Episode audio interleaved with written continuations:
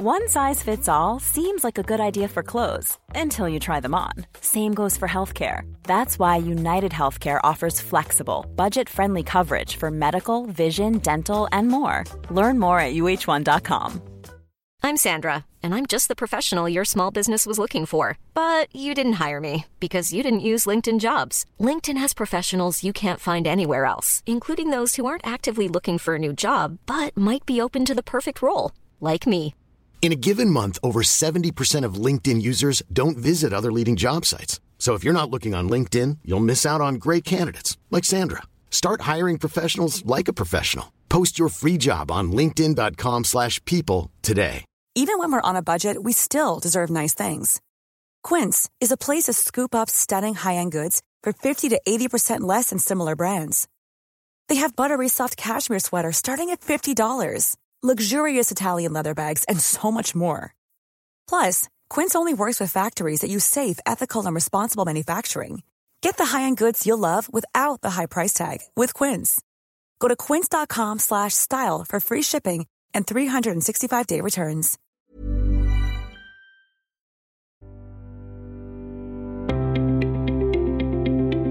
Varmt välkomna till Hälsopodden, en ny inspirerande podcast inom området hälsa och personlig utveckling.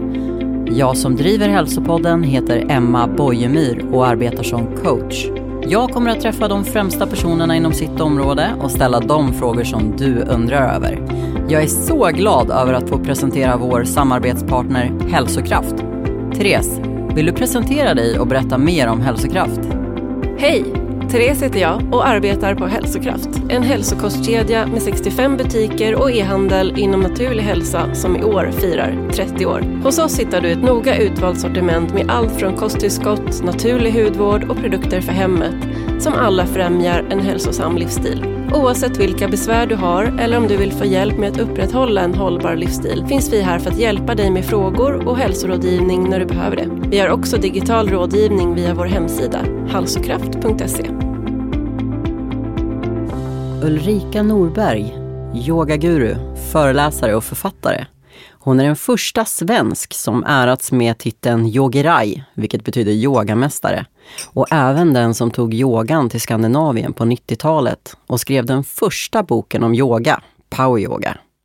År 2018 blev hon utsedd till Årets yogi på Yogagalan och hon driver utbildningsföretaget Yoga for Life och anordnar regelbundet vandringsresor som hon kallar för Hikefulness.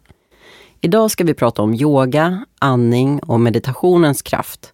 Och Ulrika ska ge sina bästa tips på hur man enkelt kommer igång på ett lustfyllt sätt. Varmt, varmt välkommen till Hälsopodden Ulrika! Tack så mycket. Så himla kul att ha dig här. Ja, tack för att jag fick komma.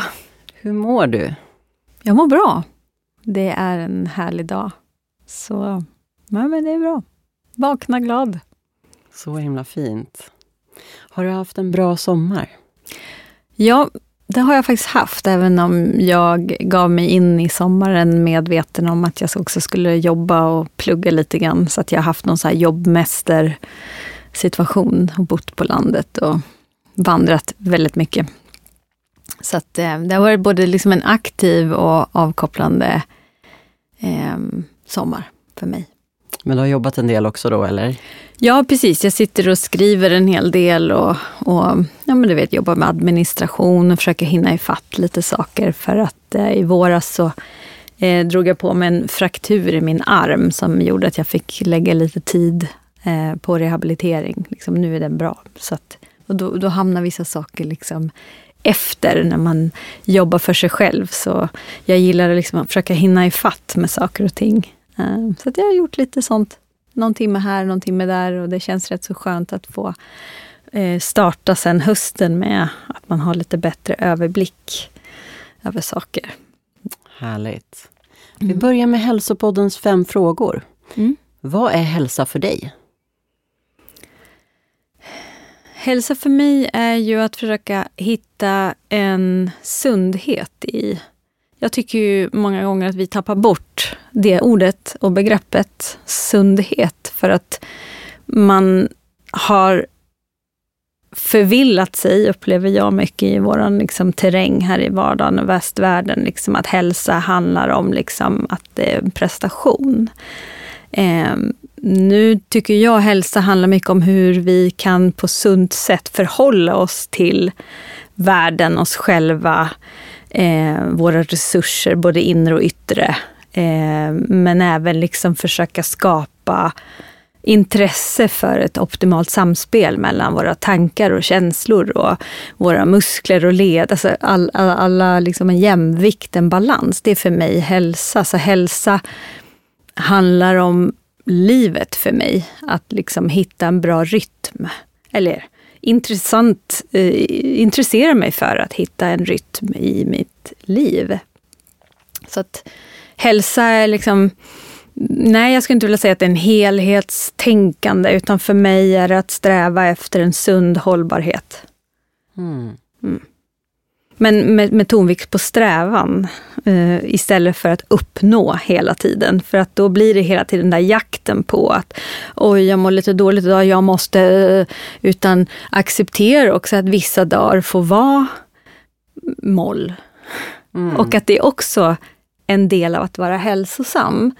Ehm, det finns ju liksom många tankegångar idag kring det här med vår psykiska ohälsa som det pratas väldigt mycket om. Och då reflekterar jag som är en väldigt eh, ja, jag tycker väldigt mycket om filosofi, jag har studerat filosofi, jag gillar de filosofiska tankegångarna liksom, som, som verkligen försöker uppmana till reflektion. Att vad är det vi menar egentligen med psykisk hälsa och vad är bilden av det? Så där kommer medievetaren in i mig. Så här, vad är det för bilder vi lägger ut på hälsa?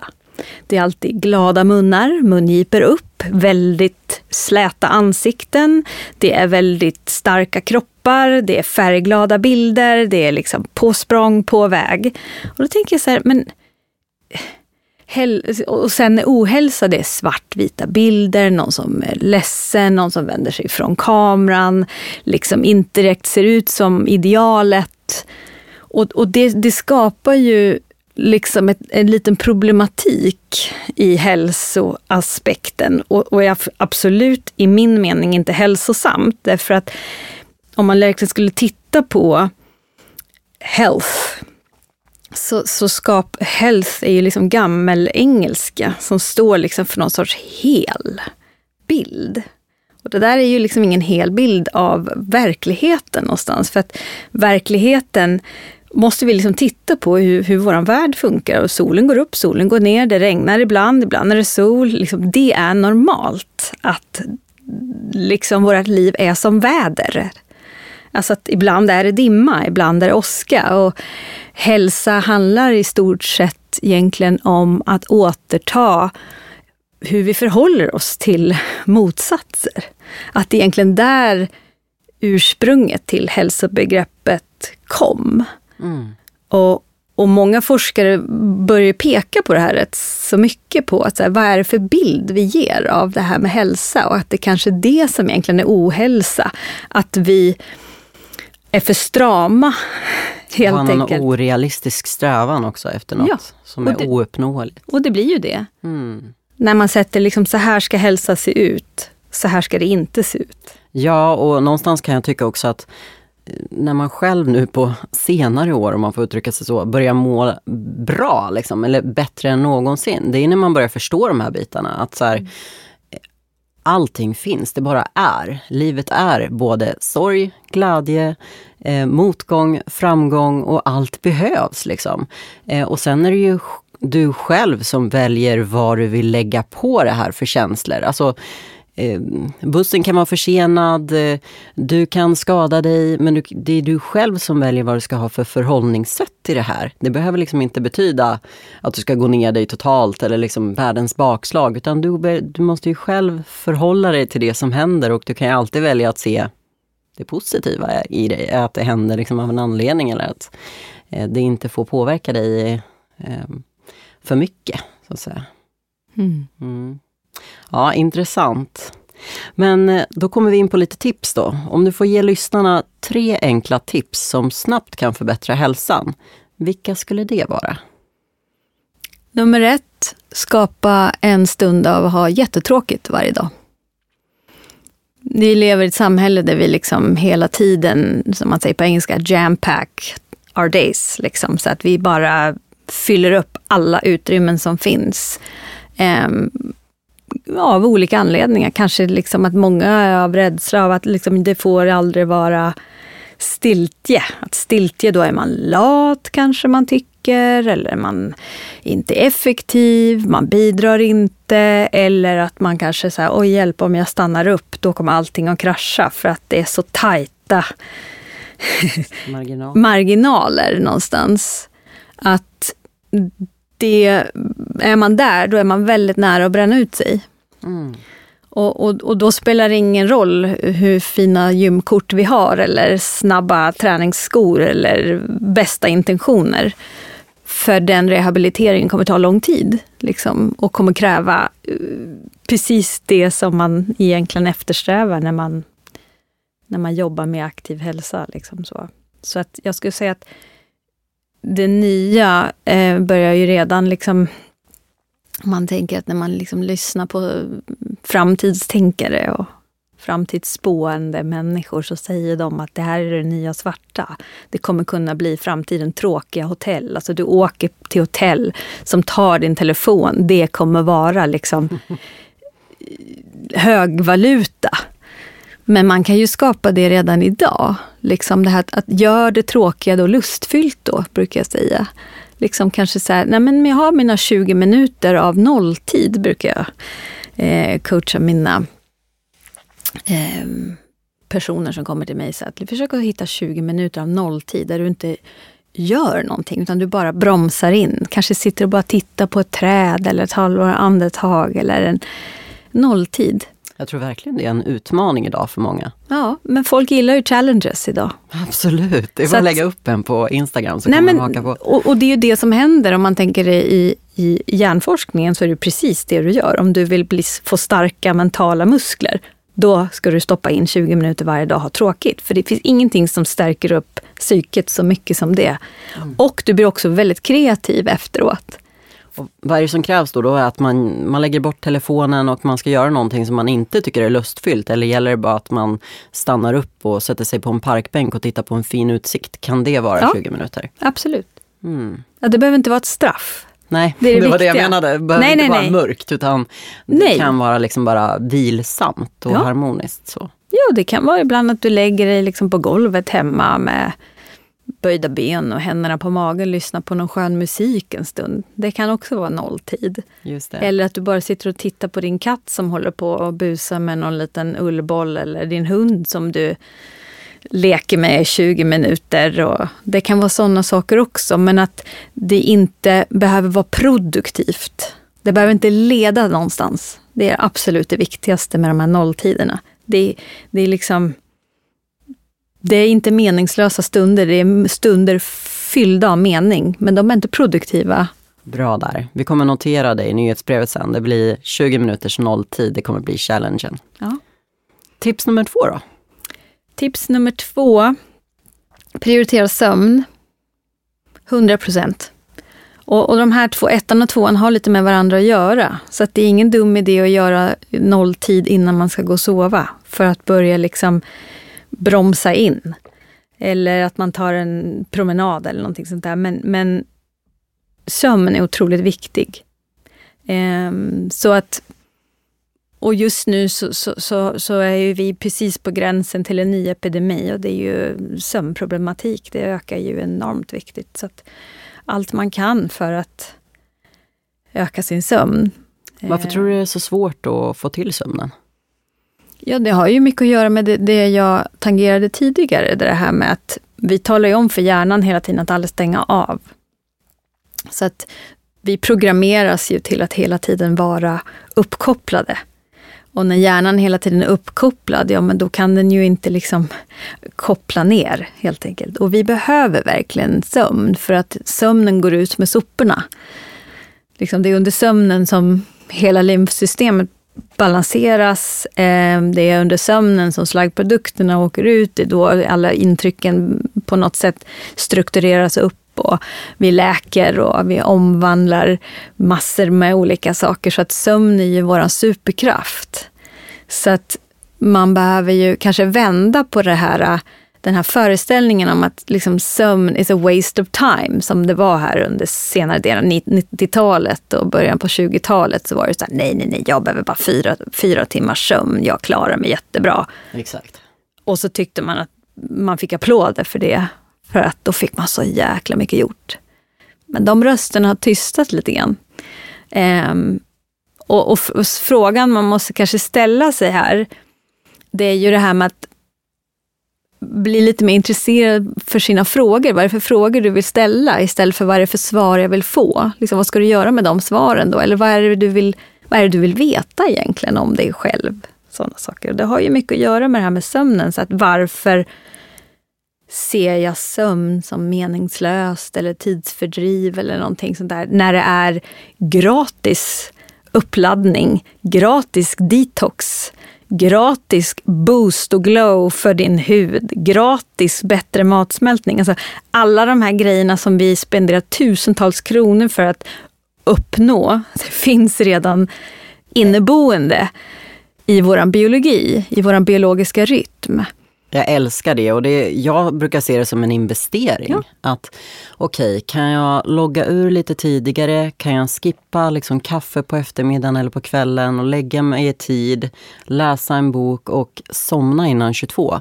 Alltså jag kommer ha så mycket energi imorgon om jag om jag gör de här grejerna för mig själv. Så jag brukar tänka på det som en investering, för jag vet också motsatsen, att när jag kommer i säng för sent eller jag dricker för mycket kaffe för sent och sådär, att man ja, det ger avtryck dagen efter. Eh, så det här är ju häftigt hur man liksom kan programmera om sig också då, tänker jag. Att ha det här med sig som du säger, att så här, ja, men, jag får ju glowigare hy. Mer ja, men det, När man inser det, man bara, ja men wow, jag ja. behöver liksom inte uppfinna hjulet. Helt gratis också. Ja, det är helt gratis. Ja. Det, är liksom, det är en superkraft som finns i oss. Och, och eh, det är också så att när man det finns många människor som har sömnproblem. Och då kan ju det bli en stress liksom, så fort man kommer till, oh shit, nu kommer jag, nu måste jag sova. Och, bara, oh, oh. och då finns det ju jättemycket saker som du kan göra under dagen. Du kan ta och göra såna här yoga nidras till exempel, så guidad djupavspänning och djupavslappning. Det finns jättemycket fina ute nu på, i den virala världen som du kan få guidat. Och, och, och det är ju så att en guidad djupavslappning kan ju också hjälpa till att underbygga bättre balans i nervsystemet och inte den här dopamintriggern hela tiden. Så att det är också rätt så, det är gratis. Alltså, eller för sig, det är inte gratis, du kanske betalar för din app 99 kronor i månaden. Men om man tänker på, in, för de 99 kronorna så får man ju enormt mycket.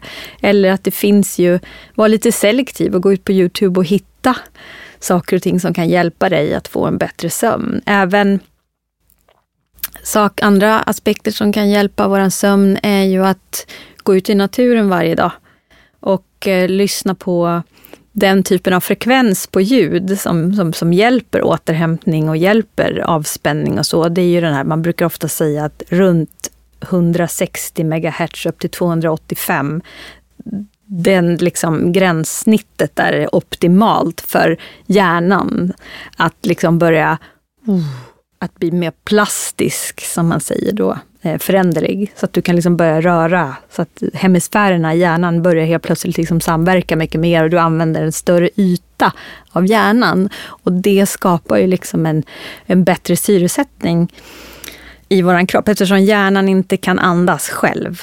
Just det. Mm, och hjärnan kan heller inte eh, forsla ut slaggprodukter ur sig, sitt eget organ, utan den är så otroligt beroende av vårt nervsystem och cirkulation. Mm. Och hur gör du då för att få en bra sömn? Hur gör du rent praktiskt? Har du här tips? Jag gillar att läsa.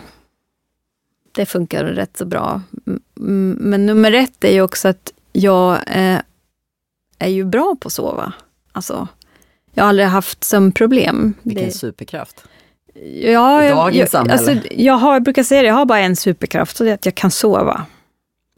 Eh, och den har jag ju fått tror jag, genetiskt. Um, men jag inbillar mig också att det har att göra med att jag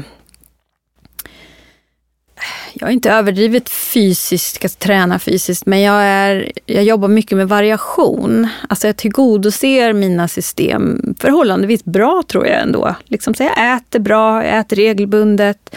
Eh, jag, jag bantar aldrig överhuvudtaget, tror inte på det, har aldrig trott på det.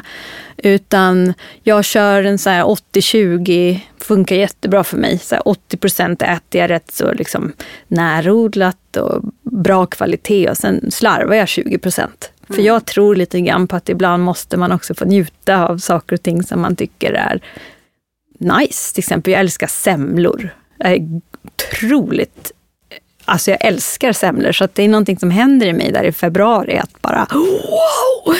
Och då går jag all in i det och tänker så här, ja, då kan man tänka 80-20 på hela året. Absolut. Att den här månaden, då jobbar jag lite med min lättja och det får vara så. Och för att jag vet sen att i mars, då börjar jag vandra jättemycket och då, då är jämnar det... borta. Ja. Så att jag tror att jobba lite, jag, jag tänker mer cykliskt kring min hälsa. Istället för att liksom mera kompakt, alltså kompartmentalisera, liksom, att här ska jag göra det här, här ska jag göra det här, utan jag, jag försöker liksom titta på mera årstidsbaserat. Eh, på ett år, liksom, jag, jag, följer kanske mera vinden och, och, och, och nyanserna i vädret. Mm. Eh, och, och jag tror att det gillar mitt nervsystem. Liksom jag lyssnar på det. Så här, nej, men nu, nu har jag behov av återhämtning. Men då kanske jag lägger in lite mer återhämtning eller så. Ja, nu, måste, nu har jag suttit och skrivit i åtta timmar. Ja, men då imorgon då är det dags för mig att börja gå här. Liksom, mm. Då behöver jag komma ut. Så att jag tror att när jag förstod också hur jag kunde eh, vända på mina egna pusselbitar och använda mig av mitt liv och mig själv istället för att jag blir använd av idéer och föreställningar. Det blir åh, vad coolt. Så att det är väl bara egentligen en gång i mitt liv som jag har upplevt att sömnen har blivit störd. Det är när man nybliven mamma. Liksom det här med att jag skulle vakna och amma. Bara, ja, men, det tyckte jag var jättejobbigt. Och jag blev liksom irriterad på min bebis. Och då skapade ju det en konflikt i mig. Liksom att jag är mamma, inte ska jag vara irriterad på att den här lilla blobben som jag liksom älskar, men jag känner inte. Alltså det var så mycket tankar och känslor. Så, så tills liksom mina systrar som är äldre än mig sa så här, men lägg dig i sängen och amma då. Ja, det kan jag göra.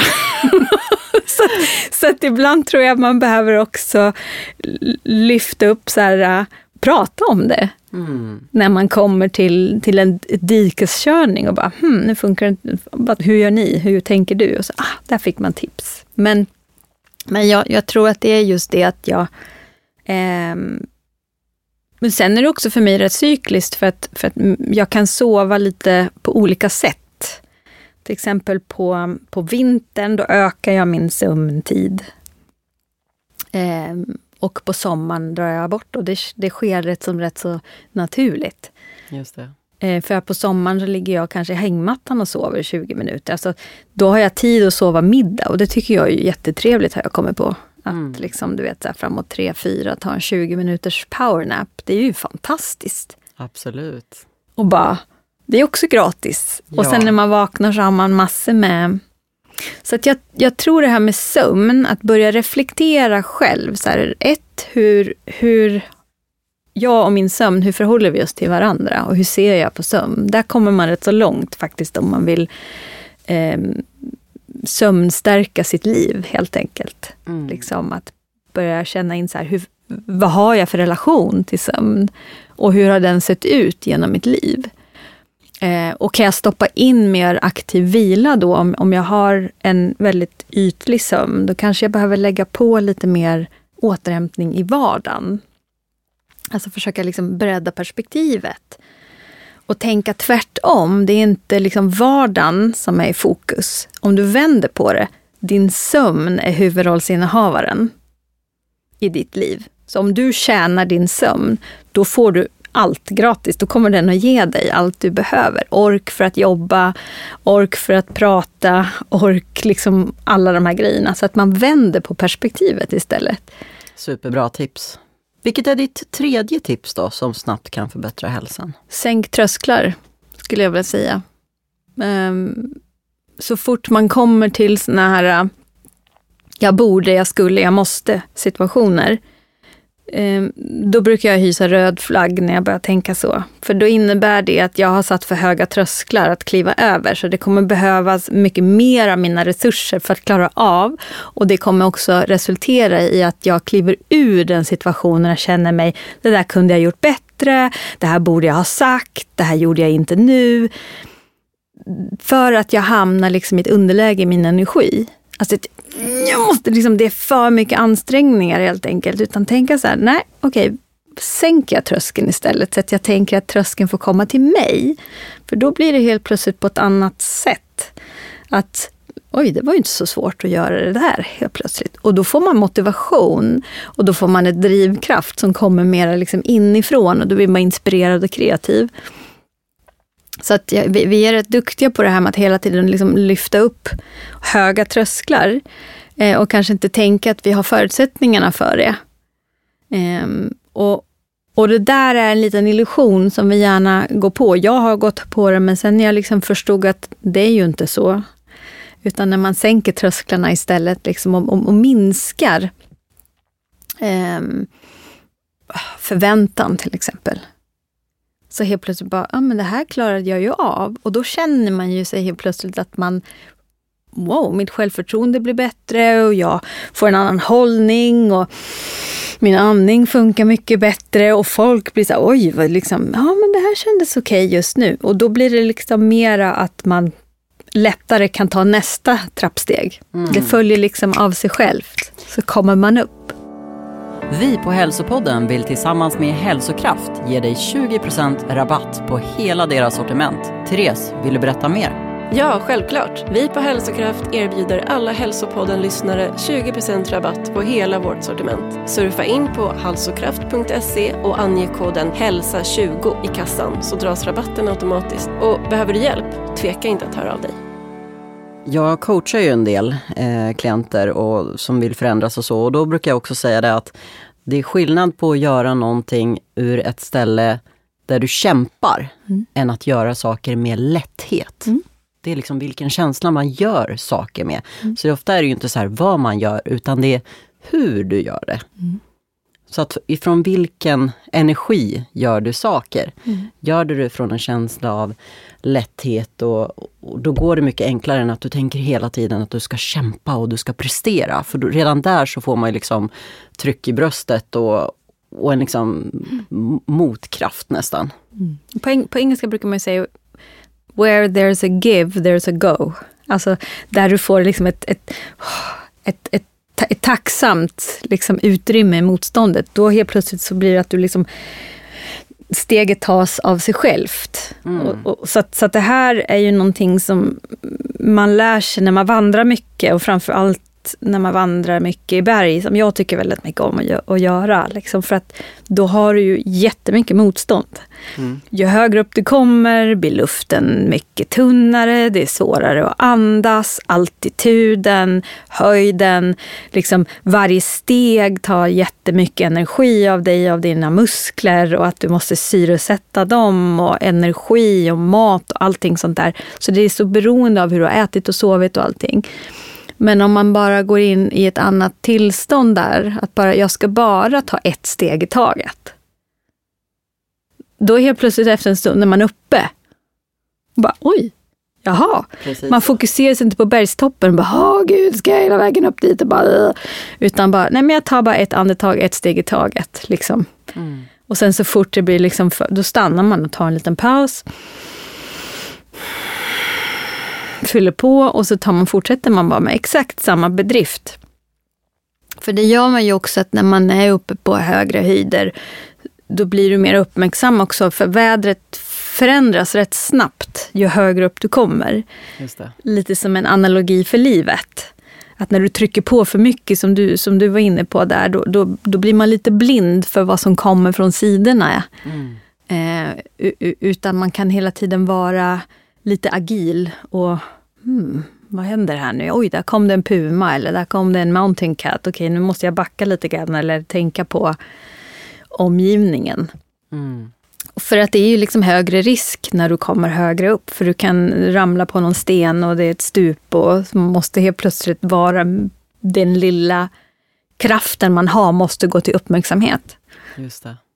Istället för ambition. Fint. Men för att sammanfatta lite grann där då. Det var, första tipset var 20 minuter där du har tråkigt, eller 20 minuter i stillhet. Och sen förbättra sömnen var nummer två. Eh, och nummer tre då, eh, sänka trösklarna, mm. eller sänka tröskeln. Ja, nolltid. Och sen också eh, prioritera sömn. Mm. Skulle jag vilja säga. Det är bra tillägg. Och sen eh, sänk tröskeln. Sänk tröskeln. Vilken egenskap är du mest nöjd med hos dig själv? Att jag är nyfiken. Har du alltid varit nyfiken? Mm. Min mamma sa att jag föddes med frågan varför. Underbart. Mm. Det är många som säger nyfikenhet. Det är en bra egenskap tror jag, om man vill liksom ta sig långt eller om man vill lära sig mycket. Mm. Ja, jag, har, jag har haft liksom en, en komplext förhållande till det också ett tag i mitt liv. För att när jag eh, gick i mellanstadiet så blev jag rätt så brutalt mobbad eh, och utsatt för ja, inte så trevliga eh, saker. Och då fick jag oftast liksom, då börjar man också mobba sig själv. Det är klassiker för alla som är mobbade först, liksom från andra, så, så blir man helt chockad.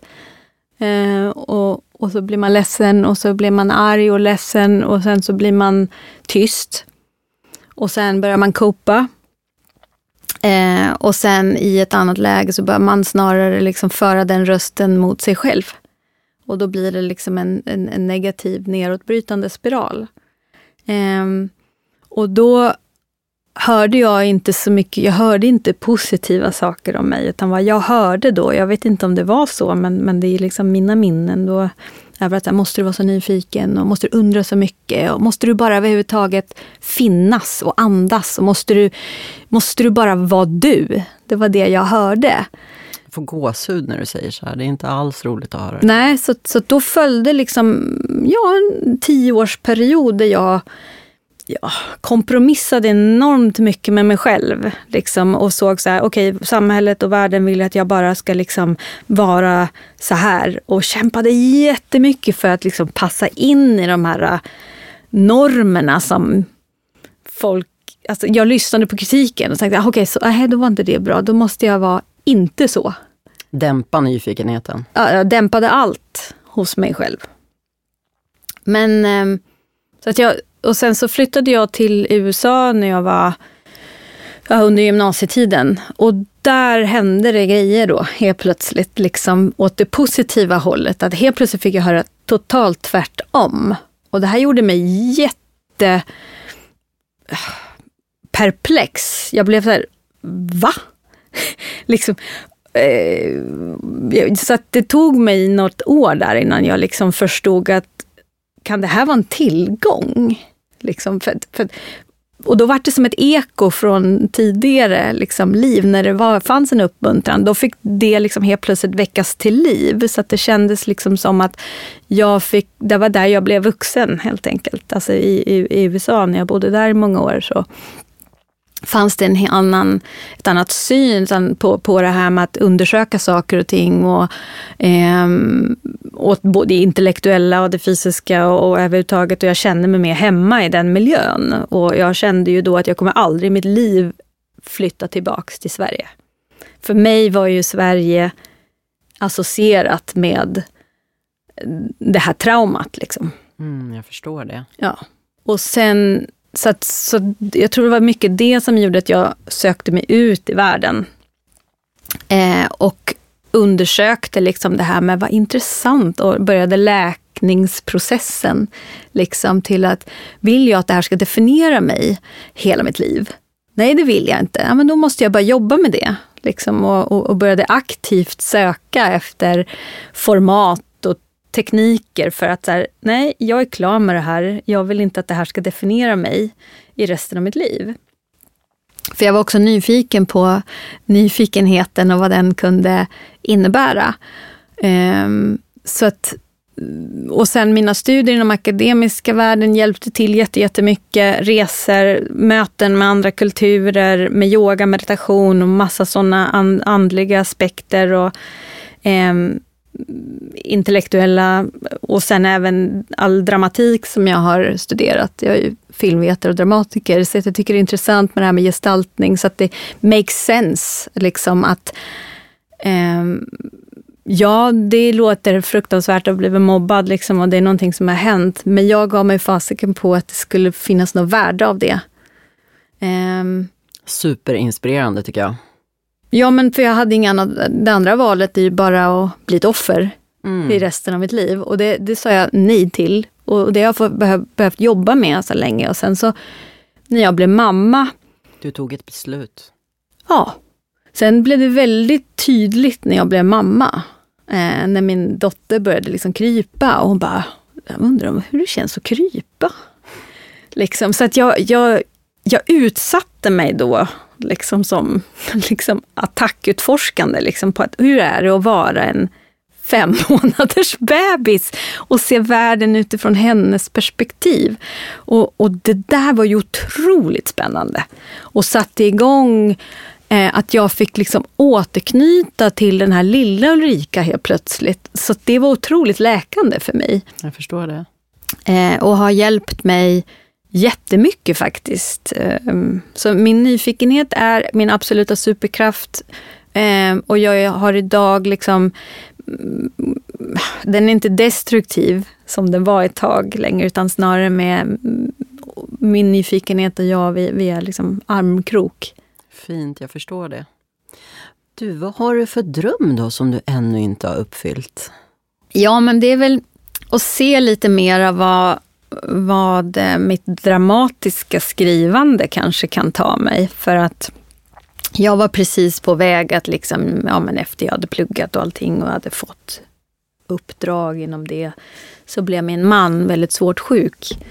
Vilket gjorde att då fick jag liksom mera falla tillbaka på givna kort och givna arbeten. Liksom. Det var inte utrymme för att med småbarn och en dödssjuk partner var ja, satsa på projekt av den kalibern. För när man skriver kanske mer dramatiskt så, så, måste man liksom vända in och ut på sig själv och det krävs att man har någon sorts trygghet. I alla fall för mig. Jag kan ju bara prata för mig själv. Så att då blev det liksom, nej men det där sköt jag på framtiden lite. Så jag känner att jag har inte riktigt fått utforska den delen av mig själv. Och den ser jag med spänning på vad det ska...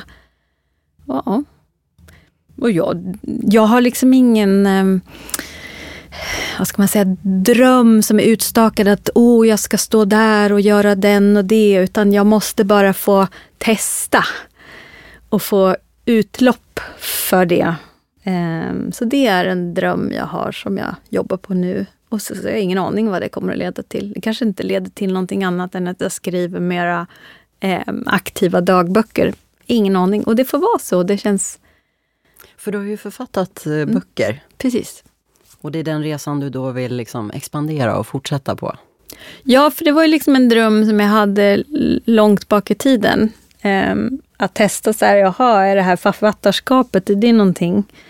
Um, handlar, finns det någonting där? Så nu, nu har jag ju liksom skrivit väldigt mycket faktaböcker i många, många år. Mm. Så att när jag först fick frågan att skriva en bok liksom om yoga. Då, den första boken jag skrev själv var ju Power, Power Yoga. yoga. Precis. Eh, och, och, det blev ju en, en helt plötsligt en bästsäljare. Liksom. Succé! Ja. Och den låg som nummer två på ICA bokförlag då, eh, som den mest eh, sålda boken efter Sju sorters kakor. Ja. Härlig balans ja, och jag, fatt, jag fattade liksom ingenting. Och bara så här, oj. För att det fanns ingen svensk eller skandinavisk bok om det. det Liksom, och, och, det började ju med att jag fick frågan om, om jag kunde titta på en tysk bok och se om vi skulle kunna översätta den. Och jag tyckte inte att den var speciellt rolig så jag sa att nej men får någon annan göra. Och då sa de så här, men kan inte du skriva den då? Eh, eh, va?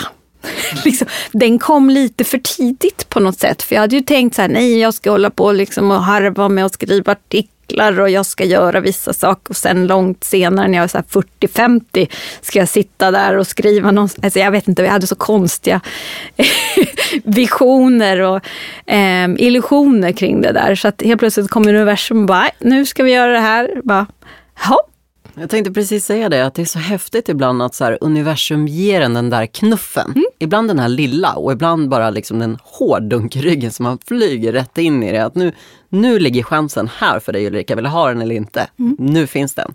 Mm. Ja, så coolt. Vad äter du till frukost? Det varierar en hel del på årstider också. Men jag äter alltid frukost. Mm. Men jag är ingen morgonkaffeperson utan det är te jag gillar att dricka te.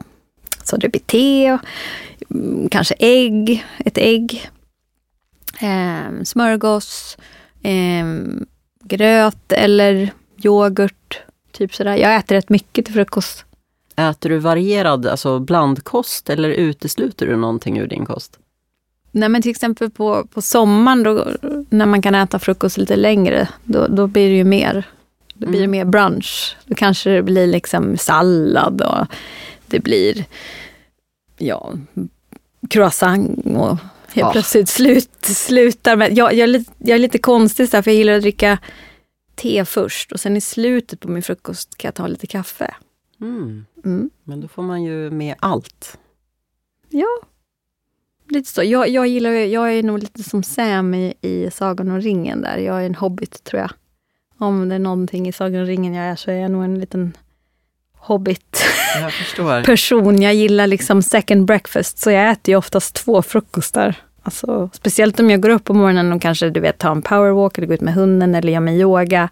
Då innan kanske jag dricker te och tar lite yoghurt och sen kommer jag liksom tillbaka och så käkar jag min andra frukost liksom mm. vid nio.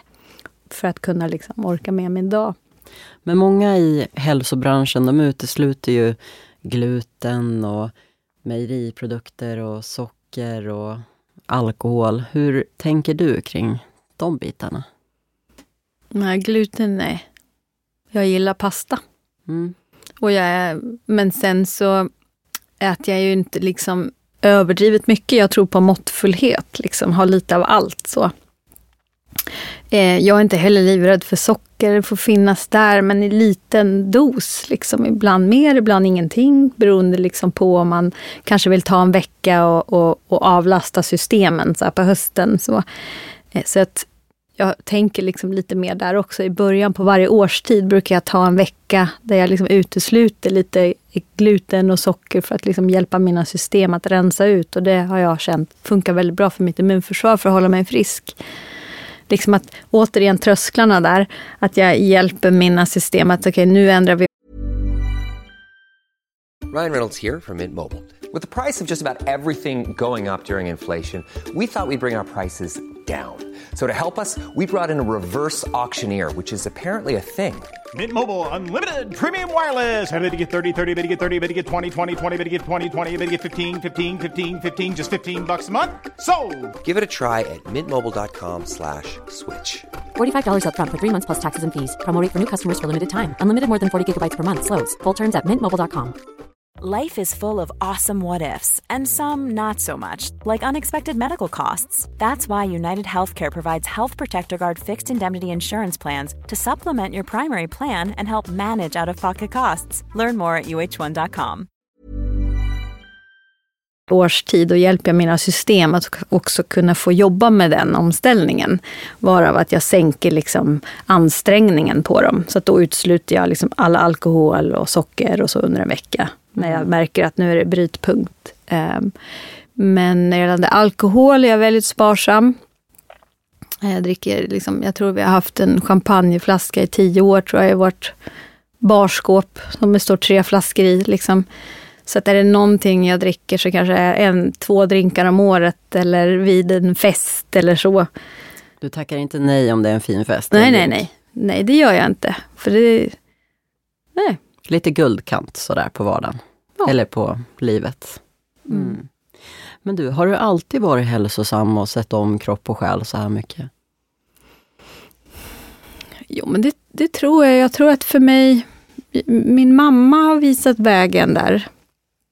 Så att hon alltid, det har alltid liksom funnits med i hela min uppväxt. Så för mig var det liksom bara någonting jag fortsatte med.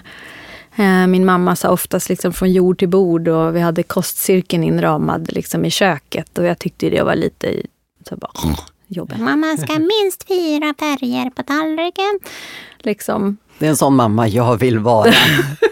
Jo, men samtidigt som min mamma var också en sån som, som, som trodde jättemycket på det här med att, att, att göra lite festligt också. Att liksom man fick baka med riktigt smör och liksom det finns, min mamma avskyr halvfabrikat, liksom, utan det är riktigt lagad mat, det är varm mat, det är liksom ordentlig mat, att det är fika.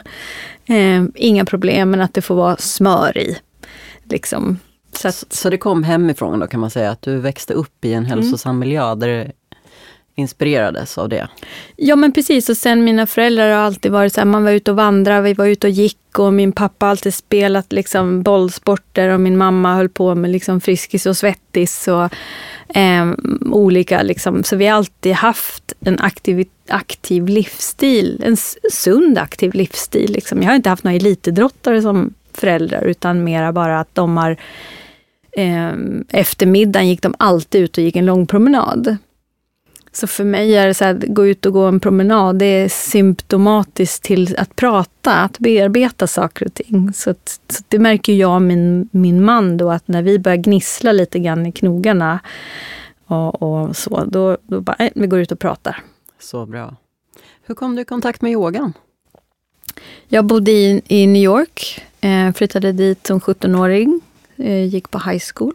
Och eh, jag eh, spelade basket i high school där. Och våran basketcoach eh, började liksom väldigt spännande andningsövningar och vi skulle ligga ner och visualisera och vi skulle Eh, så det var ju främst andning och meditation han använde sig av liksom för att försöka jobba med att visualisera. Liksom bollen kom i hennes händer där och hur vi la upp spelet. Liksom. Och, och han, var, han, han var väldigt ins, inspirerande tyckte jag och himla häftig. Så att det här med meditation blev ju någonting som jag blev jättenyfiken på för jag märkte ju liksom vilken enorm skillnad det gjorde i mig. Och sen när jag flyttade till New York så aktivt så uppsökte jag liksom ett eh, zen-buddhistiskt center och började liksom meditera. Och då i zen-buddhismen så gör man alltid med att man gör en viss typ av bugningsrörelse innan, kanske en halvtimme, 40 minuter ibland. Eh, som liknar solhälsning. Och de här människorna som, som fanns på den här studion sa, ska du inte med och köra yoga? Ja, visst. För jag bestämde mig där att jag ska liksom säga ja nu. Eh, jag behöver liksom, det, nu, nu, det här är en godispåse, det är massa saker jag inte kan, ingen aning om, men jag är jättenyfiken på det här. Så jag bara sa ja och hängde med. Och, och fattade enormt tycke, för jag tyckte det var så otroligt spännande. Så att du både kan andas, jobba med hållning, blickfokus, bearbeta, alltså hur hela jag fick vara med i någon, någon typ av liksom kroppssinnes medvetandedans och meditation och allting. Så det var så rikt system. Och sen sitta och sjunga, jag menar jag har gått på musikskola, så då blir jag så här, det också.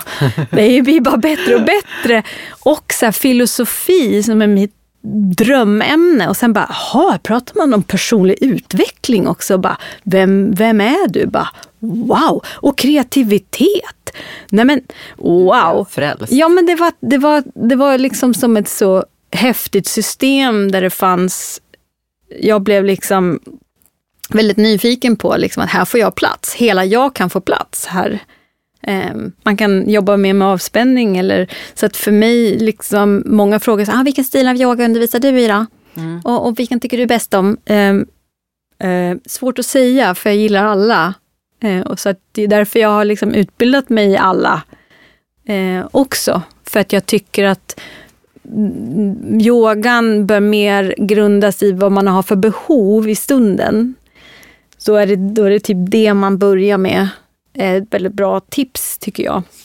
Lite kort då, vad finns det för olika yogainriktningar och vilken ska göra vilken så att säga? Det finns, du är ändå expert på ämnet. Ja, men jag kan tycka så att eh, Eh, nummer ett till exempel, om man sitter mycket och man känner kanske att hållningen inte är så optimal, så skulle jag satsa på att börja med yogastilar som har begreppet alignment i sig. Alltså att, som man jobbar med, med hållning och strukturell anatomi. Och börja, det går inte så fort, men du jobbar konsekvent med att försöka skapa både utrymme i leden men också eh, jobba med muskulaturen så att du också liksom får en, en, en, en bättre hållningsfokus på det. 100 procent. Och jättebra om man liksom jobbar mycket med löpning eller har mycket såna, sån typ av träning. Så också hållningsbaserat superbra för att du hänger ju dig själv på din hållning. Så och vad kan sån yoga kallas för då? Ja, de brukar heta ungefär alignment eller, eller ja, åt, åt det hållet. Eller om man tittar till exempel på hatta-yoga, brukar oftast finnas med. Just det, det har jag provat. Det, det gillar jag faktiskt. Jag kommer ju från styrketräningsvärlden eh, och har provat ja, lite olika yogaformer. Jag har jobbat på Sats i tio år så att mm. man, man, ska ju gå igenom hela produktutbudet. Och katta-yoga var liksom för mig väldigt lätt inkörningsport i mm. yogan. För det var ganska fysiskt mm. och mycket rör, rörlighet och dynamiskt och liksom stretching och man känner direkt vart sina begränsningar är. Och det blir ganska konkret att jobba med för någon som är liksom ny på yoga. Och den var också väldigt snäll minns jag. Mm. Nej, men hatta yoga är väl dit, om man är nybörjare så tycker jag man ska börja med det. För att den är som du säger allomfattande. Det är mm. liksom både andningsfokus, hållningsfokus, även lite mobilitet, alltså rörelse. Även liksom, du, ja, man, man, du får liksom ett rätt så bra, eh, en bra grund att stå på. Sen till exempel om man, om man vill jobba mera på att utveckla sin rörlighet skulle jag kanske mer gå på vinyasa som det heter, som är liksom lite mera andningsstyrda rörelser. På inandning bla, på utandning bla, så gör du det. Så att varje, upp med armarna på en inandning, ner på armarna på en utandning. Så liknar mer långsam dans. Just det. Så. Lite mer flow eller ja, tempo? Ja, men precis. Och där kan det ju vara liksom musik och man kan poppa till det lite grann mer eller mindre. Liksom. Och kan vara mer eller mindre hårt, men tuffare träning. Det krävs mer rörlighet liksom, ibland. Men, men därför så, nu för tiden så kanske det står så här mjuk vinyasa. Då vet man att då är det rätt så bara man jobbar mer med rörlighet. Är det strong vinyasa, då är det svintufft. Och då kommer du behöva ha 90 rörlighet i ryggraden. Liksom, för att det är rätt hårt och även vara väldigt stark. Många kommer in på yoga just av att de kanske är, har varit väldigt stressade en period, kanske från en utmattning eller vad ska man börja med då för yoga? Jag tänker det kan bli för tufft. Mm. Eh, om vi backar lite grann bandet så skulle jag vilja säga att yogastilarna funkar som ett, om du tänker som ett eh, batteri. Du har en pluspol och en minuspol och så har du liksom lika med i mitten. Om hatta-yoga är lika med, det är balans i mitten. Liksom.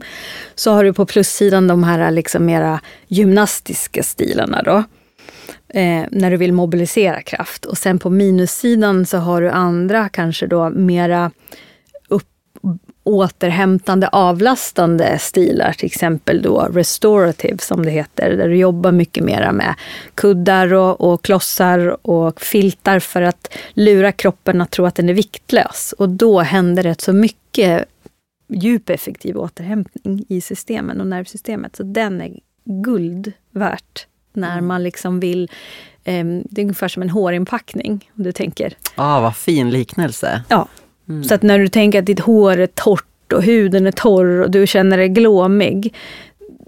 Mm. Då behöver man lite mer restorative. Ja, eller du vet så när, när, man är i tillfällen där oh, världen är för, för ljudlig. Jag behöver bara liksom in i en kokong en stund.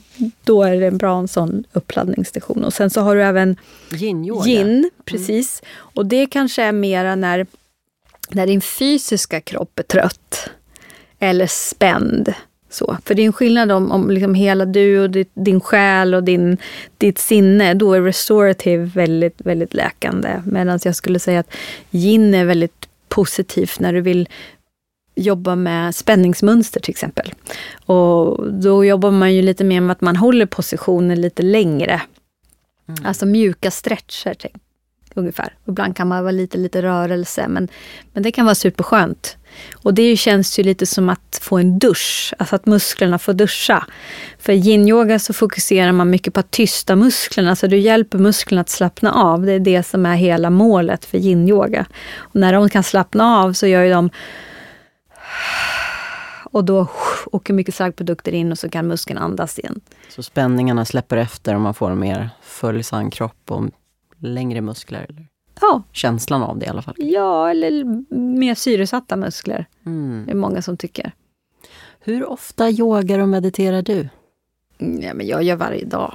Alltså mellan fem minuter till en timme beroende på vad jag har behov av. Men jag har liksom, det går inte en dag utan att jag gör att jag checkar in, som jag säger. Så yoga och meditation och hela det spektrat för mig är ju ett sätt att försöka hålla mig hållbar liksom i, i, i, i mitt nav, alltså i mitt center. Det låter kanske väldigt flummigt för många, men, men, men i allt jag gör, jag är så beroende av mig själv eftersom jag är egenföretagare och jag skriver och jag är mamma och jag är partner, jag är syster. Alltså, allting hela tiden, jag vill vara närvarande eh, i, i mitt liv. För jag har märkt att när jag inte är det, det är då det inte går så bra. Mm. Då börjar jag slarva liksom och, och det är oftast då, och det, det, har inte jag riktigt, jag känner inte att jag har råd med det. Så jag vill gärna vara närvarande. Och hur gör du den här incheckningen då? Nej men det är oftast liksom bara att jag rullar ut min matta. Så kan jag, ibland kan jag bara du vet, lägga mig och, och börja koppla upp mig på andetaget. Och bara så här, okej okay, jag börjar med en utandning. Stänger munnen och sen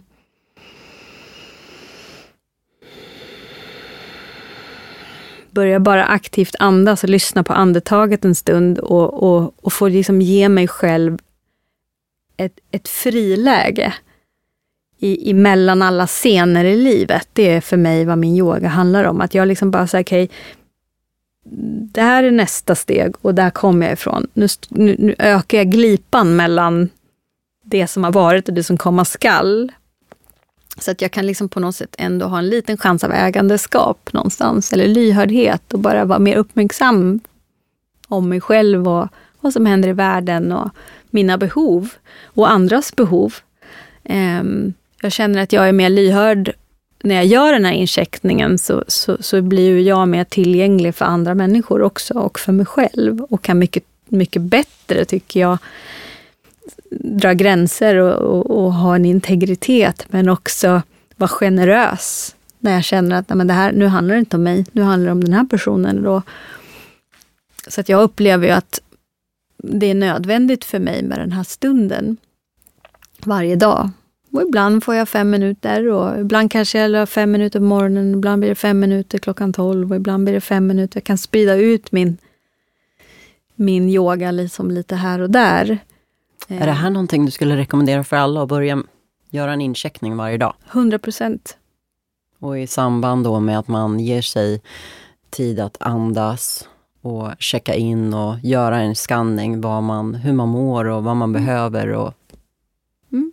Så jag vill liksom lite leka med tanken så här, hej Ulrika, god morgon Ulrika, hur mår du idag? Vad, vad, hur har, vad, vad tar du med dig från gårdagen?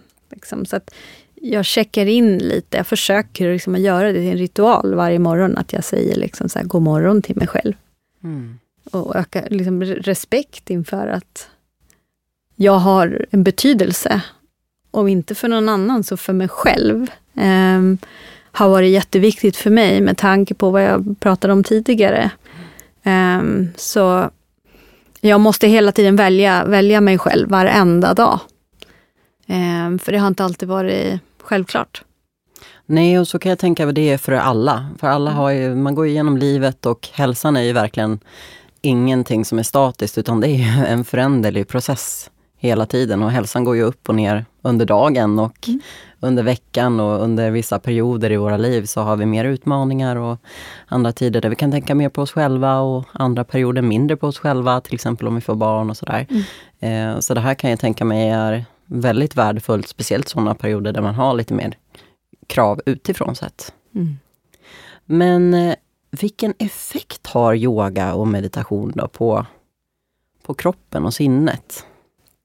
Ja, framförallt så har ju alltid, eh, liksom sen yogans begynnelse, så har man ju fokuserat mycket på att allting du gör ska främja andetaget. Alltså för att har vi en begränsad syre, syresättning och syreupptagning i oss själva så spelar inte någonting annat någon roll eftersom att andningen är det första du gör när du blir autonom, alltså själv du blir dig själv helt enkelt och en själv, får en självmakt över dig själv.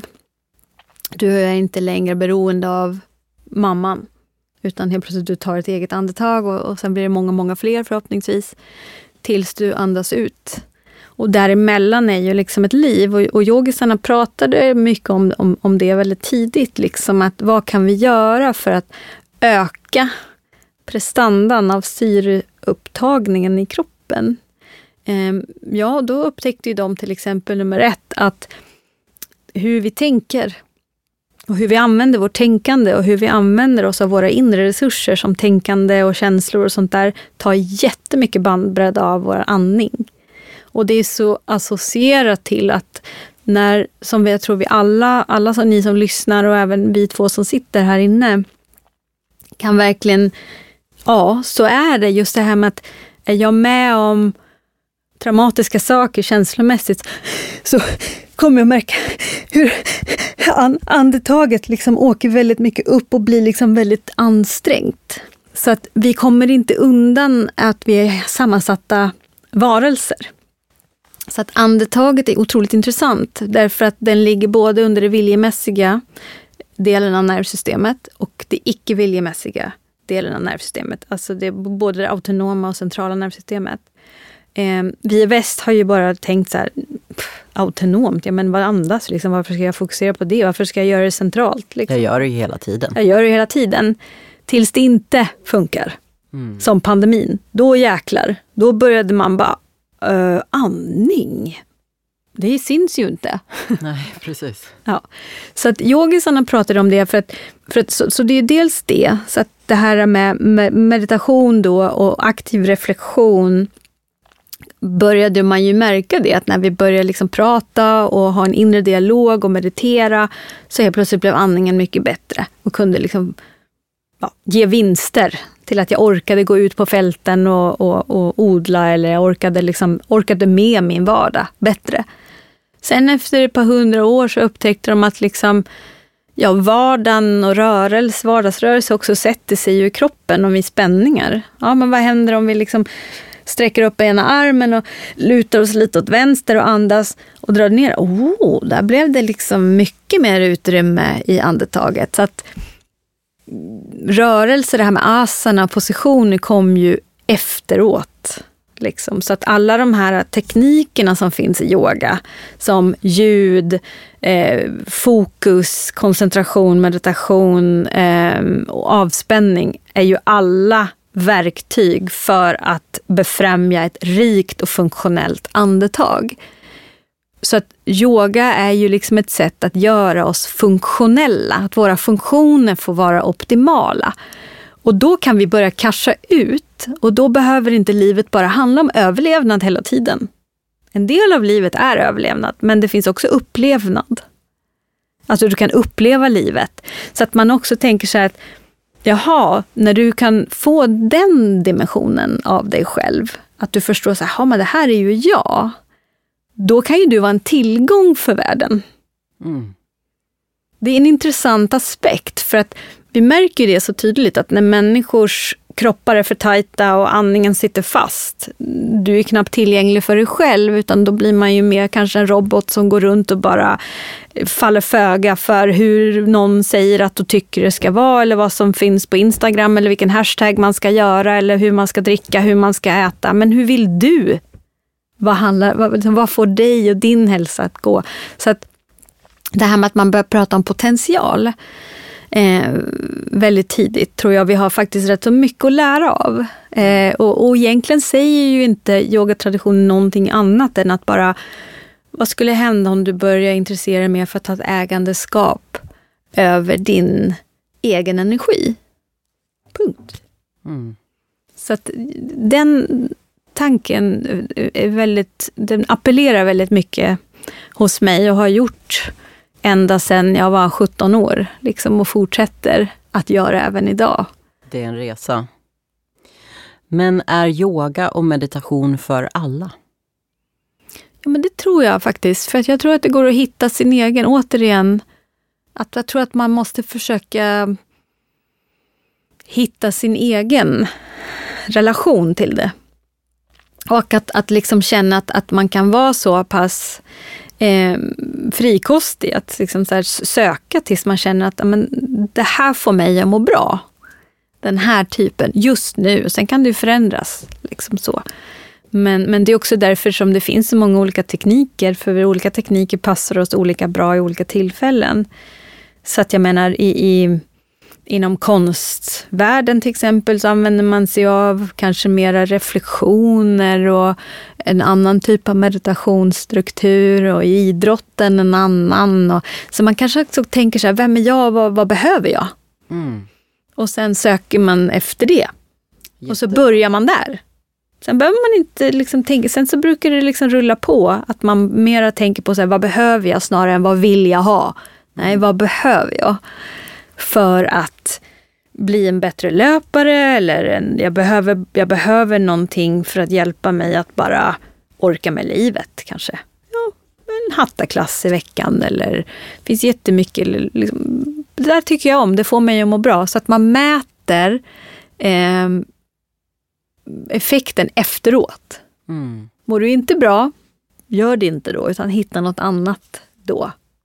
Jag kör jättemycket så här, jag är ju småbarnsförälder, jag har en, två döttrar, de är två och fem år och snart en tredje. Eh, så tiden är väldigt knapp. Men det jag alltid ser till att få in det är ju en 20 minuters promenad på förmiddagen. Eh, och då går jag jättegärna ner till vattnet, sätter mig där, och bara andas. Alltså ta djupa andetag och se till att få ner andningsfrekvensen så att jag liksom grundar mig lite. Att jag känner in så här, ja men lite som du sa, så här, hur mår jag idag? Vad behöver jag? Eh, hur kan jag göra de bästa förutsättningarna för mig själv idag? Mm. Eh, och jag tycker bara att liksom lägga på lite rörelse på det. Liksom, det kan vara sträcka sig uppåt, framåt eller bakåt eller stretcha höftböjarna eller vad det nu är. Det tar inte mer än typ 10 minuter. Men det här är så beroendeframkallande hos mig. För jag märker att den här, den här 30 minuters liksom, rutinen, eller vad man ska säga, den mår jag så bra av. Speciellt nu när jag är liksom höggravid och inte kan träna så intensivt och så. Eh, men jag har fortfarande väldigt mycket, ja, mycket jag måste leva upp till och många jag måste ta hand om och man måste alltid prestera liksom, eller leverera, man har ett ansvar. Och då märker jag att den här tiden är så väl investerad och jag får in både lite steg och jag får in andning och jag får in lite rörelse. Eh, och sen kan det bli mer eller mindre bero på, beroende på min energi och hur schemat ser ut och så. Men det här är så värdefullt, bara att andas. Jag märker liksom, bara jag har gjort den här rutinen så känner jag liksom axlarna är längre ner, andetaget är ner i magen, sinnet är klart och jag kan bara gå vidare. Liksom. Mm. Så just andningen tycker jag man kan tipsa Mm. alla om att börja med. Ja, och sen så ligger det lite grann i det här tipset som jag gav om att sänka tröskeln. Mm. Det kan ju handla om att där man är stoppar man in rörelse eller ett andetag. Men även om du sitter och leker med dina barn så kan man liksom du vet, göra några rörelser. och det, det, det tror jag också lär barnen också. att man inte sitter där och bara mår dåligt över bara när ska de gå och lägga sig så jag kan få göra min träning. Mm. Utan ett bra lifehack som jag använt mig av mycket, det var ju när mina barn var mindre. Och då ville de ju oftast att jag läste en bok och så skulle man ligga och prata lite grann i sängen. Och man kanske sjöng någon liten sång och man såg hur de började liksom... Då hade jag redan rullat ut min yogamatta bredvid deras säng. Och sen så sa jag ofta så här, men jag lägger mig här bredvid dig på min, på min matta så finns jag här hela tiden. Liksom. Okej, okay, fick man höra då. Så släckte man och i mörkret där la jag mig och gjorde återhämtning eller lite gin. Eller, så att jag inte behövde se med förakt på mina barn för att de tog bort... Eh, ja, det kan lätt bli så. Jag coachar en hel del människor som, som har nästan panik över så att jag får inte till min egen tid. Jag känner att de håller på att äta upp mig. Liksom. Och, och, och, jag tror att lösningen är inte att sitta och vänta på bättre tider, utan stoppa in det i stunden. Och, och någonting jag också gjorde när barnen var lite äldre, jag bara rullade ut med matta och började göra yoga. Och de höll på och byggde klossar och de byggde på mig och liksom lät det få vara en aktiv del. Så att jag har aldrig liksom sagt till mina barn, nu ska du göra yoga? Och däremot tycker de att jag är lite så jobbig ibland när jag säger så här, jo men det där man kunna göra med yoga. Ja, vi vet. men å andra sidan så ser jag ju idag att de ibland kommer och mm. gör vissa saker och, och gör de här rörelserna, för de har sett mig göra det. Så jag, jag tänkte säga att, det, att barn gör ju oftast inte som man, gör, som man säger, utan de gör ju som du gör. Ja. Så att, ehm, ja, jag tror att man, man får liksom försöka ta hand om sig själv i stunden, där och då. Um, och inte för att kanske bara lära sina barn, utan faktiskt påminna sig själv. Och ta de här små eh, aktiv promenad. Det är väl fantastiskt. Mm. Eller lägga sig på kvällen och, och, och, och, lyssna på någon avspänning eller så innan man går. Jag tror att man gör sig själv lite mer sund och hållbar på det sättet. Att sänka tröskeln. Liksom. Jag tänkte precis säga det. Sänka tröskeln och göra det som är tillgängligt. Ja, det kommer man långt på. Mm. Men du Ulrika, har du lust att ta oss på en kort meditation? Ja, men det kan jag göra. Mm. Ja. Då kör vi lyssnare och även jag här i studion. Men börja med att sätta dig skönt. Kanske med ryggen mot ryggstödet på, på din stol, fötterna i golvet. Eller ligg på golvet bekvämt. Lägg händerna i famnen, på låren. Slut ögonen. Och så börjar du bara känna in vart du har ditt bäcken, din höft i relation till huvudet. Nästan som om du börjar fickparkera och känna in, okej, okay, huvudet, bäcken, få titta på varandra lite mer. Och mellan huvudet och bäckenet finns ju ryggraden. Så prova att luta dig tillbaka in i ryggraden, mot ryggraden.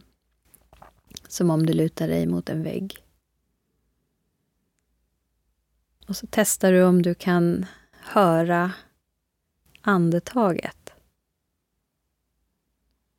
Är det så att dina andetag avger ett ljud?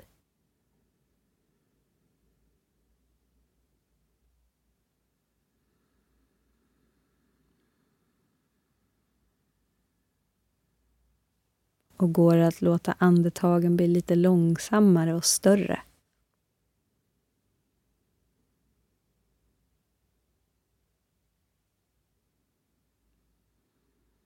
Låt läpparna bara mötas och käken får mjukna, ögonen får mjukna. Precis som du går på en stig vandrar du lite djupare in mot ditt fokus, ett steg i taget och ett andetag i taget.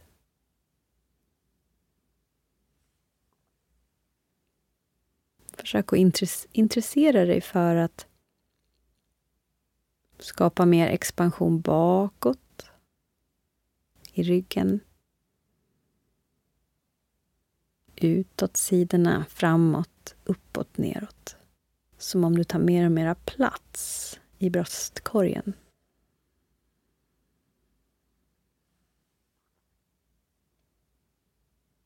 Låter inandningen få fortgå tills det naturligt säger stopp. Ta en paus där och sen långsam utandning tills det naturligt säger stopp. Och pausa där. Och känner hur du glider mellan de här fyra kapitlen av ett andetag. Inandning. Paus. Utandning. Paus.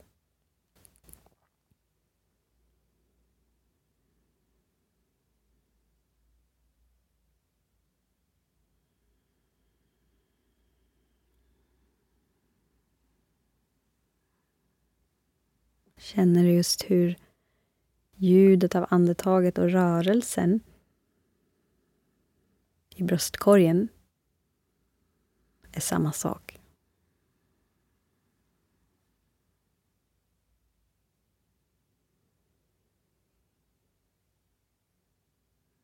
Prova att låta kroppen bli både tung, den får sjunka in ner mot jorden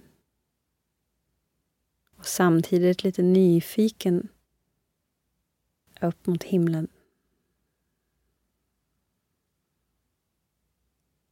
Som om du är lätt och tung samtidigt.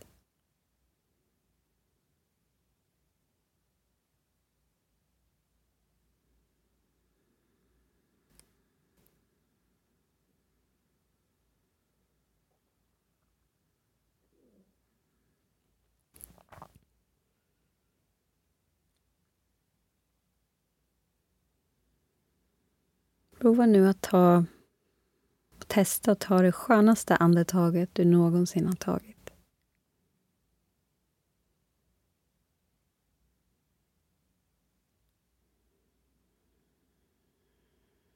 Och observera upplevelsen efter det.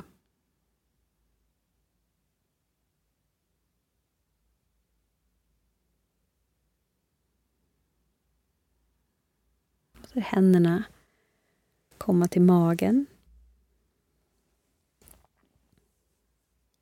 Ta ett andetag in i händerna. Öppna munnen och bara sucka ut. Och öppna sakta blicken. Ta in rummet och stunden igen.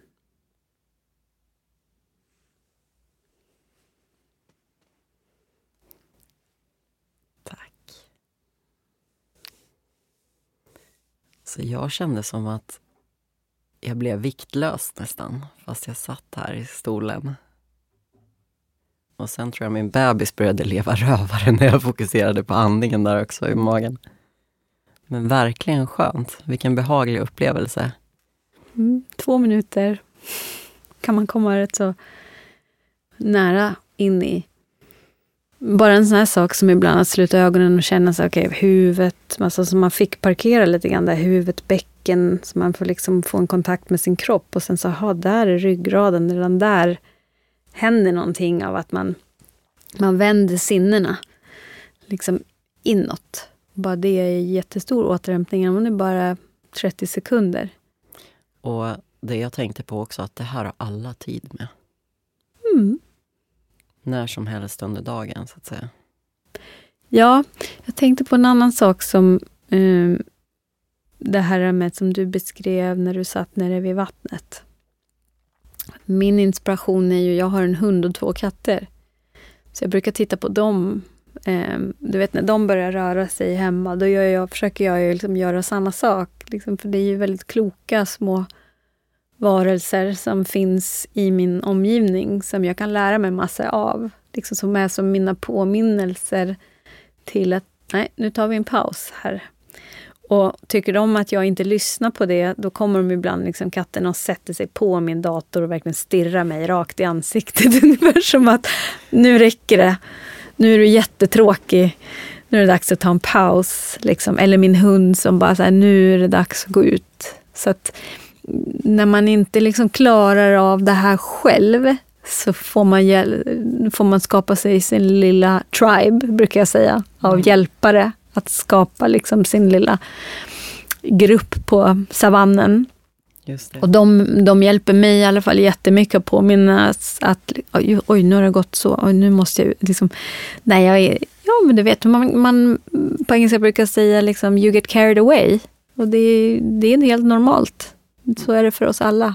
Så därför är det bra att ha såna här uh, djur, för de drivs av någonting annat. De har inte fri vilja på samma sätt, utan de är instinktsdrivna varelser. Liksom att nu vilar vi, nu behöver jag leka, nu behöver jag jaga, nu behöver jag liksom så. Och det, det kommer ju inte från att de tänker så, utan att det ligger liksom som en instinkt. Så, att, så, att, så som jag ser det, så, här, så, så, deras instinktiva beteende är väldigt lärorikt. För vi skulle, vi skulle kunna lära oss så mycket av dem.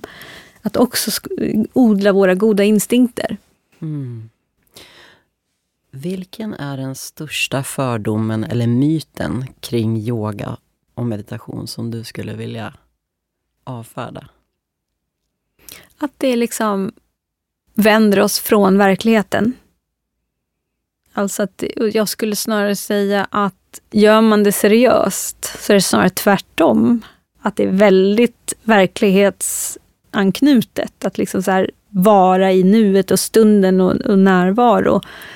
Um, gör man det mer som en ja, kommers eller som en konsumtion, ja då är det en flykt. För då är det ju liksom någonting annat. Men, men om man verkligen tänker på så att, att, att verkligen göra yoga seriös, liksom, så, är det snarare helt tvärtom. Att du verkligen jobbar på, på varaktighet och verklighetsanknytning. Så här, vad, vad, är, vad går dina tankar åt? Vad äger din uppmärksamhet? Att du har den aktiva reflektionen gör ju att du blir snarare tvärtom. Du blir mer närvarande i livet. Um, Sen så tror jag liksom att vissa fördomar är sanna, eller vi liksom, idag. Och så är det väl med de flesta. Det finns ju 38 miljoner föreställningar om IT-människor eller PT-tränare. Liksom så, ah, hur mycket proteinpulver äter du egentligen? Alltså, vi, vi går ju runt och ser bara de här, återigen de här bilderna på saker och ting. Men, men i slutändan så är det ju liksom att värdet av det du investerar i är alltid hur du förhåller dig till dig själv och världen någonstans. Så att liksom många, vi kan ju tappa bort oss själva i det mesta. Så att jag tror att är man intresserad av liksom att hålla sig närvarande så är ju, kan väl yoga och meditation vara ett fantastiskt eh, komplement i sin vardag. Jag tror inte liksom att det är för alla att liksom bli en yogi och leva yogiskt, vad nu det är för någonting. Liksom, jag får ju den frågan många gånger, så här, ja ah, men du, svävar du? Liksom, bara, eh, nej. Mm. nej men det finns liksom många sådana saker. För mig handlar mer om att jag praktiserar yogiska tekniker för de hjälper mig med att förhålla mig till mig själv och mitt liv. Liksom. Jag identifierar mig inte, jag är så här, alltså är jag en yogi. Nej, jag är först och främst Ulrika. Du är yogirai också. Ja, och en yogirai blir man ju... Um, alltså det är inget så här som man ansöker om, utan det är ju ens yogamästare eller lärare som märker att man har lärt sig att bli sin egen bästa kompis och att man har lärt sig att liksom behärska tekniker. Så jag tyckte det lät så häftigt så jag ville ha med dig. Jag tänkte så här, svart bälte i yoga, det är yogirai. Ja, och jag har alltid varit lite rädd för titlar, eh, eller skygg. Men eh, för mig stå, är det mer att det står för en bedrift över att liksom i 30 år faktiskt ha intresserat mig för mitt välmående och dragit mig upp ur ett mörker själv och inspirerat och inspirerar så många. Jag hoppas det. Jag hoppas liksom att, att det jag står för och verkar och, och, och kan representera, att vi kan faktiskt eh, via våra sår och skuggsidor och, och, och, mörker, det finns liksom potentiell kraft där om vi om, om, och jobbar med dem.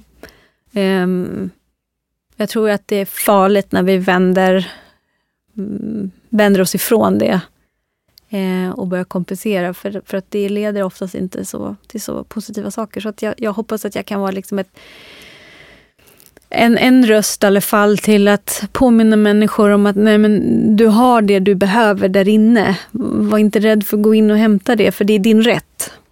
Så fint. Avslutningsvis, mm. vad skulle du vilja ge för ord till våra lyssnare som har lyssnat på det här? våga välja dig själv och intressera dig för att äga dina andetag och låt ingen annan äga dem. Mm. Och vill man komma i kontakt med dig, var hittar man dig då? Ja, det är sök på mitt namn på webben så kommer ju både hemsida och Instagram och sånt där upp. Så ni är varmt välkomna att höra av er och ställa frågor och prata. Mm. eller läsa mina böcker. Eller jag finns ju mm, klasser på Yogobi, eh, den här online streamingtjänsten om man vill testa lite yoga. Det ska jag göra. Ja. Du, det har varit en stor ära att ha dig här idag Ulrika. Så himla kul och tack så hemskt mycket för inspiration till meditation och yoga. Tack snälla för att jag fick komma.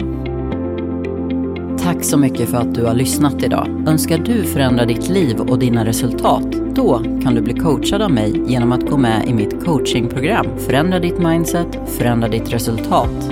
Läs mer på halsopodden.se. Ta hand om dig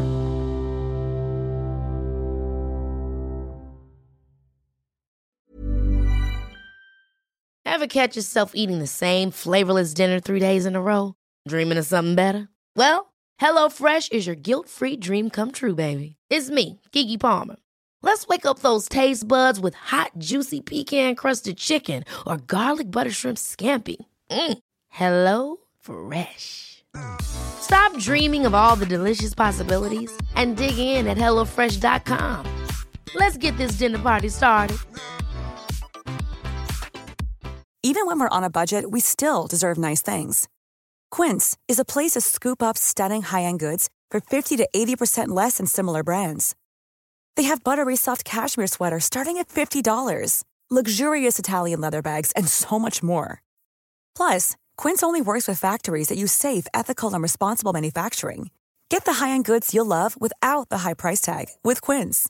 Go to quince.com/style for free shipping and 365-day returns. Mom deserves the best, and there's no better place to shop for Mother's Day than Whole Foods Market. They're your destination for unbeatable savings, from premium gifts to show-stopping flowers and irresistible desserts. Start by saving 33% with Prime on all body care and candles. Then get a 15-stem bunch of tulips for just $9.99 each with Prime. Round out Mom's menu with festive rosé, irresistible berry chantilly cake, and more special treats. Come celebrate Mother's Day at Whole Foods Market.